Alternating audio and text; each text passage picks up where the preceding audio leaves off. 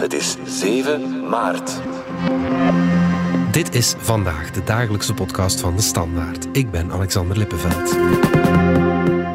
Voor we aan de podcast beginnen, nog even deze boodschap. Want de standaard is er natuurlijk ook nog steeds om te lezen. Voor 4 euro per week krijg je analyse en duiding bij de actualiteit. En je krijgt ook nieuwe inzichten en verhalen achter de feiten. Elke dag in de nieuwsapp, online en in de krant. Alle info op standaard.be-lees. De Vlaamse regering ligt in de touwen. Het is misschien nog te vroeg voor een overlijdensbericht, maar echt leven doet ze niet meer. Winnaars heeft zo'n verhaal niet, of het moest de antipolitiek zijn. Wie heeft de sleutels in handen om een herstart te forceren? Of zitten we met een systeemfout in ons politiek landschap?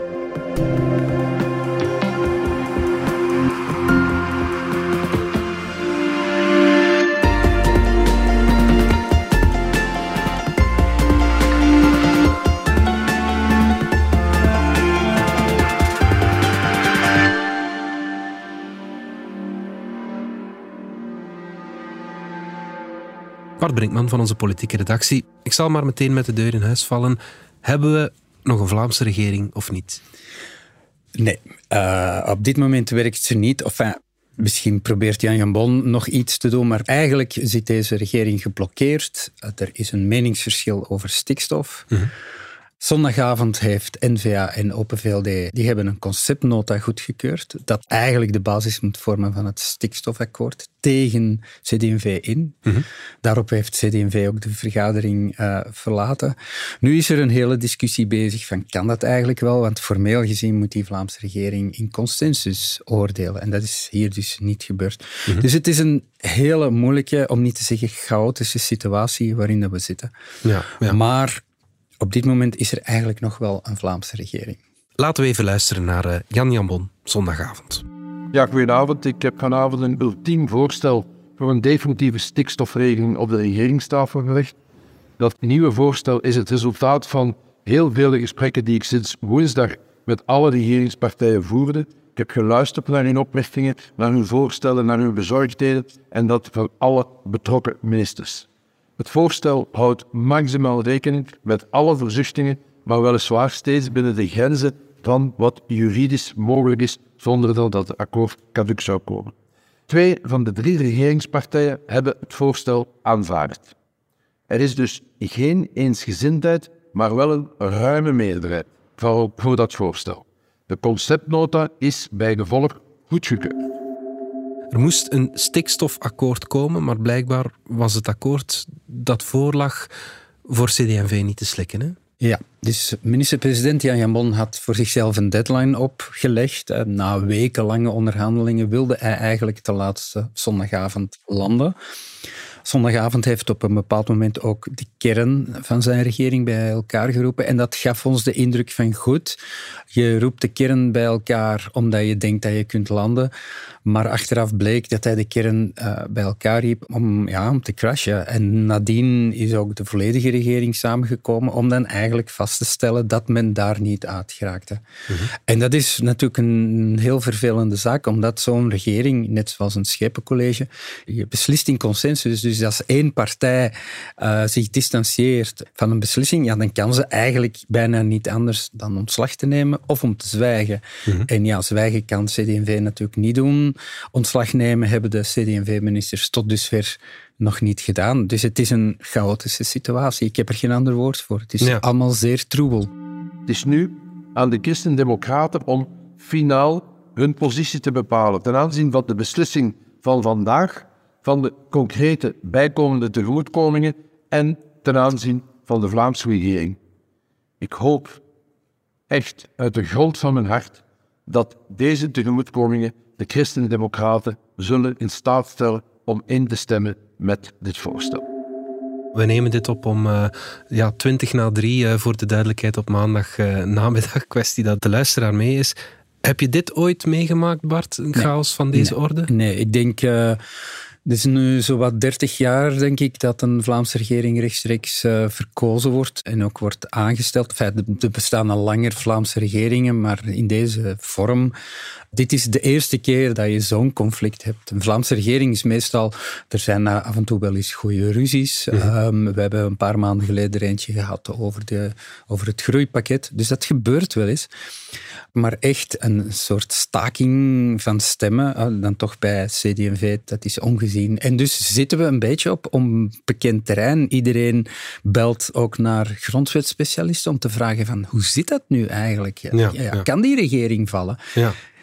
In principe kan die regering vallen, maar dan neemt ze eigenlijk ontslag in gaat ze in lopende zaken. Vervroegde verkiezingen zijn uitgesloten. dat kan dus niet. Sowieso tot mei volgend jaar absoluut. zitten we met deze situatie. Ja, ja we weten niet hoe, de, hoe het de komende dagen zal evolueren, maar bijvoorbeeld een regering in lopende zaken, dan is het nog ver af. We hebben dat meegemaakt in de federale regering, die toen gestruikeld was over het Marrakesh-pact, maar toen zaten we al in december. Mm en dan hebben we ook gezien dat die laatste maanden voor die regering was het eigenlijk een desastreus beeld. En, en die, die bleef in lopende zaken, heeft ook niks meer gedaan tot aan de verkiezingen, maar dat heeft een heel, heel kwalijk beeld van dat kabinet gegeven. Mhm, mhm. Dus, maar goed, de, de, vervroegde verkiezingen zijn onmogelijk. We kunnen wel op federaal niveau, maar niet op Vlaams niveau. Gewoon omdat dat grondwettelijk Dat is grondwettelijk vastgelegd. Het is een legislatuurparlement. Dat wil zeggen dat je de volle vijf jaar je termijn uit doet. En dat is eigenlijk in het leven geroepen, en dan moeten we toch een, 40, 50 jaar terug in de tijd. Dat is toen in het leven geroepen omdat toen regeringen te snel vielen. Hè. Tijdens de jaren, eind jaren 70 had je bijna elk jaar een nieuwe regering. En dus er was binnen de politieke klasse was er behoefte aan stabiliteit. En men dacht, goed, als we alvast dat parlement voor een aantal jaar vastzetten, dan hebben we zeker geen verkiezingen. Dan kan er nog altijd van regering worden gewisseld, mhm. maar dan heb je niet de loodzware procedure van vervoegde verkiezingen, want dat betekent dat alles gedurende een aantal maanden stil ligt. Hè. Je moet de voorbereidingen nemen aan de verkiezingen, daarna moet een nieuwe regering gevormd worden, dus je bent al gauw een half jaar kwijt. Mm Dus om die reden heeft dat toen gedaan. En is dat nu een, een goed idee, dat legislatuur, parlement, of, of werkt dat nu wel echt tegen ons? Op dit moment werkt het tegen ons. Op papier is een legislatuurparlement een goed idee. Het geeft stabiliteit. En het is natuurlijk bedacht in een periode dat partijen veel groter waren. En dan is het systeem, kan het systeem wel werken. Ik geef een voorbeeld. Je hebt een twee-partijen-regering. Ik zeg zomaar iets. Christen-Democraten met Socialisten. Het botert niet. Mhm. Geen probleem. We smijten de Socialisten eruit en we halen de Liberalen binnen als het mathematisch mogelijk is. Dan heb je een alternatief. En dat werkt natuurlijk wel. Dan heb je een andere regering, maar het parlement moet, moet niet naar huis en je kan verder besturen. Mhm. Het probleem is als je te veel partijen hebt, waarbij je, dat je sommige niet kunt gebruiken omdat het oftewel extreem links is of extreem rechts. Mhm. Ja, dat dat dan gewoon niet meer werkt, omdat je uiteindelijk geen alternatieven niet meer vindt. Mhm. Dus je hebt nu een centrumrechtse regering ja, je kan die niet zomaar vervangen door een centrum-linkse variant, mhm. omdat je eigenlijk al twee partijen extra nodig hebt. Dus dan zou je van drie naar vier partijen gaan. Dan maakt het allemaal veel te ingewikkeld.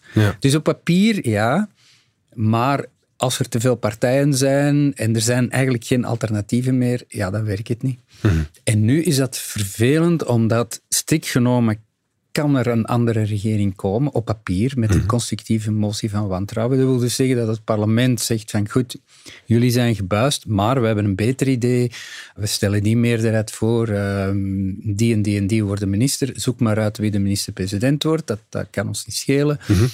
Maar in dit geval kan dat niet, omdat er eigenlijk geen leefbare alternatieven zijn. Vooruit stond toch klaar om, uh, om ze te gaan depaneren? Ja, vooruit stond klaar om eventueel een stikstofakkoord te depaneren. Vooruitvoorzitter Conor Rousseau die zei daarover vorige week dit op Radio 1. Wat dit betreft, hè, uh, we zijn het met veel niet eens met de Vlaamse regering, maar wat dit dus betreft... Dus ja. Ja, wel, ik ging zeggen, ja, uh, op dit punt zouden wij voor de plannen van minister De Mier stemmen. U mag uh, niet de indruk doen ontstaan bij mensen, een wisselmeerderheid, dat wij in de Vlaamse regering zouden stappen of zo. Daar is het regeerakkoord echt veel te slecht voor om ons daarbij aan boord te krijgen. Vooruit staat niet klaar om in de regering te stappen. Dat zou vanuit Vooruit ook niet slim zijn. Daarvoor is de termijn te kort. Mhm. Je kan eigenlijk niks meer doen. Laat staan. Je zou eigenlijk een nieuw regeerakkoord moeten onderhandelen dat je dan eigenlijk toch niet kan uitvoeren. Dus er zijn gewoon geen gegadigden voor een alternatieve meerderheid. En bovendien, met Vooruit alleen je er eigenlijk niet. Je hebt dan eigenlijk ook voor een stuk groen nodig. Dus dat is science fiction. Dat is, ja, uh, een no-go. Ja, met andere woorden, Bart, er is op dit moment echt geen oplossing op. Nee, er, is geen, er is absoluut geen oplossing. Wat op papier kan, is dat CD&V en Open VLD en NVA terug in mekaars armen vallen en zeggen: het is allemaal vergeten en vergeven. We laten ons hier gauw een stikstofakkoord maken. Dat is een mogelijkheid. Maar als er geen stikstofakkoord met CD&V mogelijk is, ja, dan denk ik dat de meest waarschijnlijke optie is dat we naar een soort minderheidskabinet gaan. Mhm. Maar dat impliceert wel dat CD&V ontslag neemt, de ministers althans, want ze kunnen niet blijven zitten en Jan Jambon kan ze helaas ook niet ontslaan. Dus ze moeten dan zelf wel vertrekken. Dan heb je officieel een minderheidskabinet. En dan moet je uh, voor elk decreet dat je hebt goedgekeurd binnen de regering, moet je natuurlijk een meerderheid zoeken in dat parlement. Ja. En dan kan het zijn dat CD&V soms depaneert als het gaat om ideeën die zijn uh, uitgedacht door de drie partijen samen of die in het regeerakkoord staat. Mhm. Of dan kan het gaan over dingen waar bijvoorbeeld Vooruit of Groen bij helpt. Maar dat is natuurlijk een zoektocht.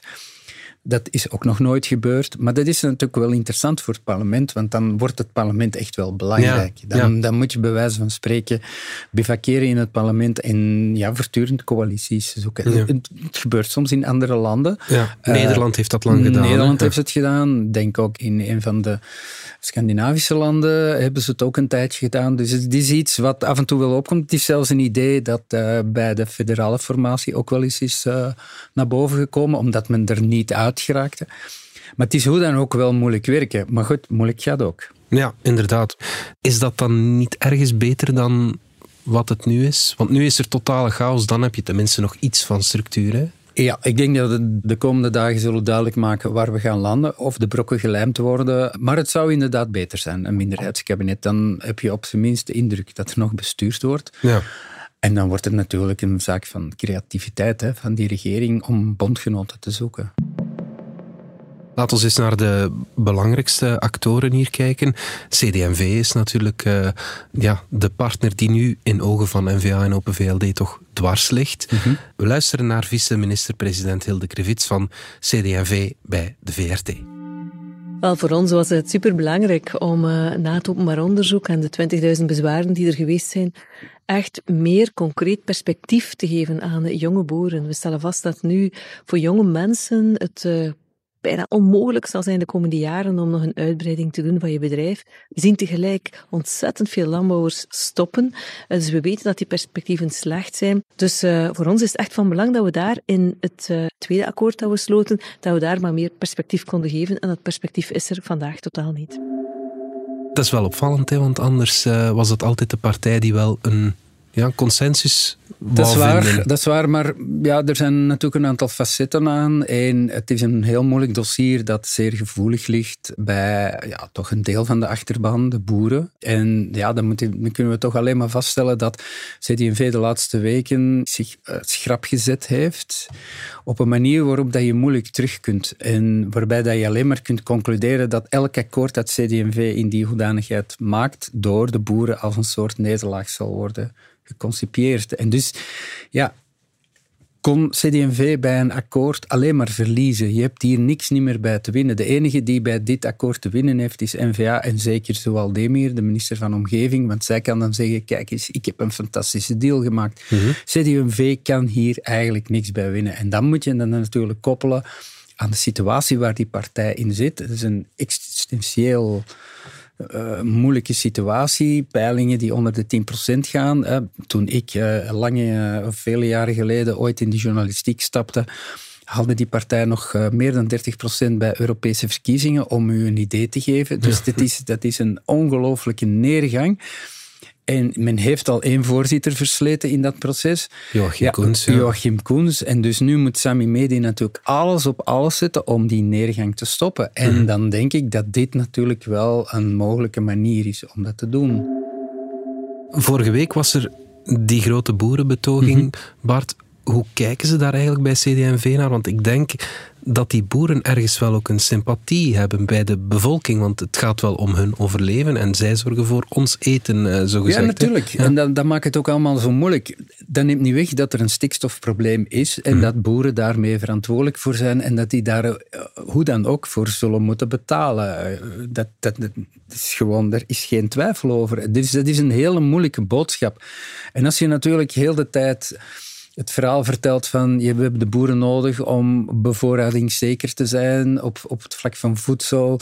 We willen absoluut jonge boeren de mogelijkheid geven om nog te investeren en dus uit te breiden en dus meer stikstof uit te stoten. Dus als je dat verhaal vertelt, ja, dan is het natuurlijk heel moeilijk om een akkoord te sluiten.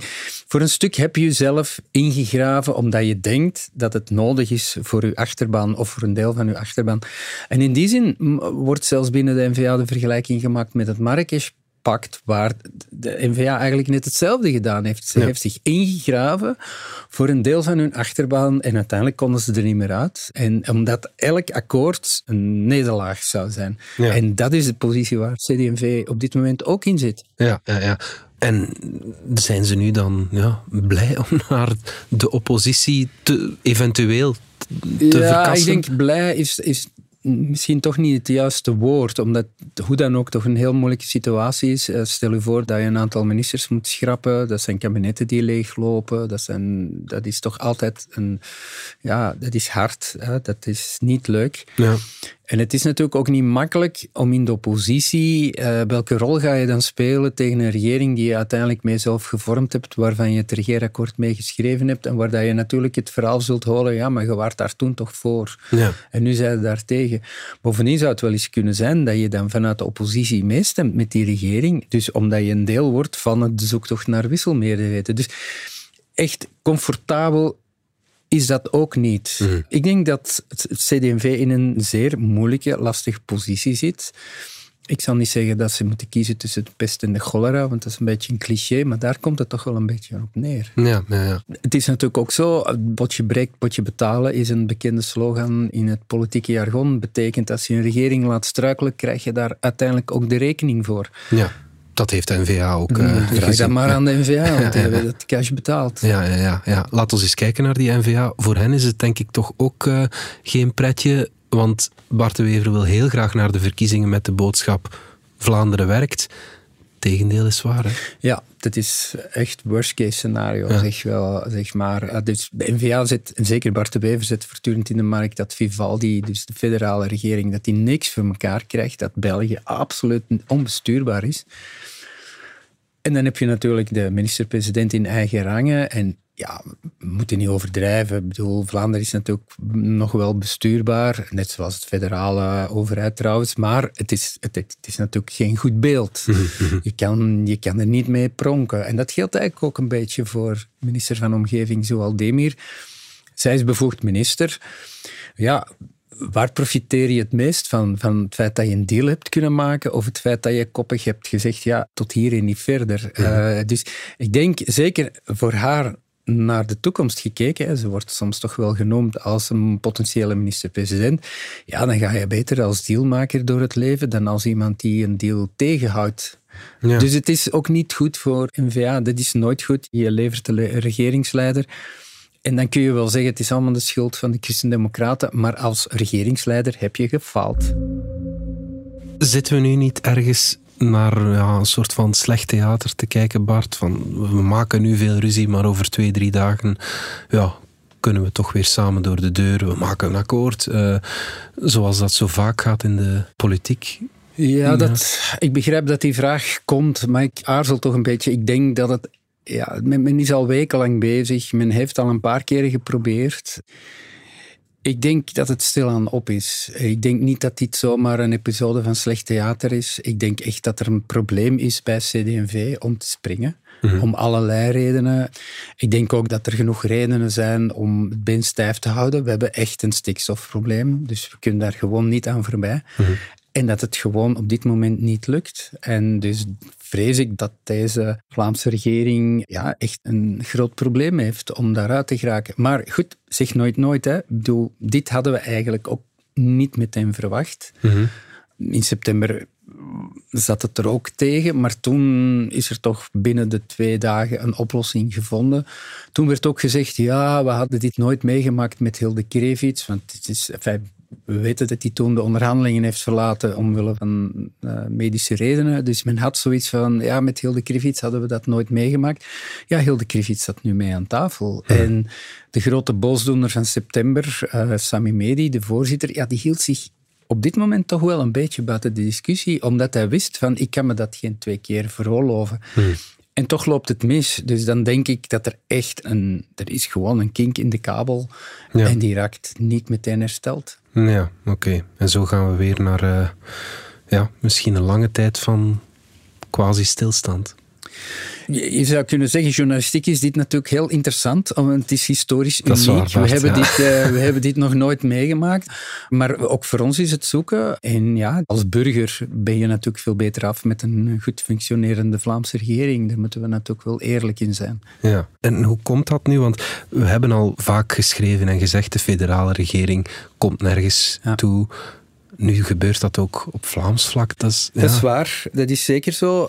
Er zijn verschillende redenen voor. En het kan zelfs nog erger, want ook de Brusselse regering ligt plat. Hè. Hmm. Daar gaat het zelfs uh, die kant uit dat sommige ministers niet meer komen opdagen zolang er een bepaald dossier niet van tafel is. Maar goed, je hebt natuurlijk meer partijen nodig voor een meerderheid. Dat geldt zeker voor het federale niveau. Zeven partijen waarbij je echt de waaier bestrijkt links, centrum, rechts. Dat is niet simpel. En, en dan merk je, hè, er zijn altijd wel slimme geesten die zeggen, ja, maar links en rechts, dat bestaat niet meer. Dat bestaat natuurlijk wel. Uh, en je voelt dat ook. Die partijen zijn het ideologisch niet eens en moeten dus altijd heel lang zoeken naar, naar compromissen. Ook aan de Vlaamse kant, eh, nog niet zo lang geleden waren twee partijen genoeg. Uh, Nu zijn er al drie nodig, misschien na de verkiezingen vier. Dat maakt het niet eenvoudig.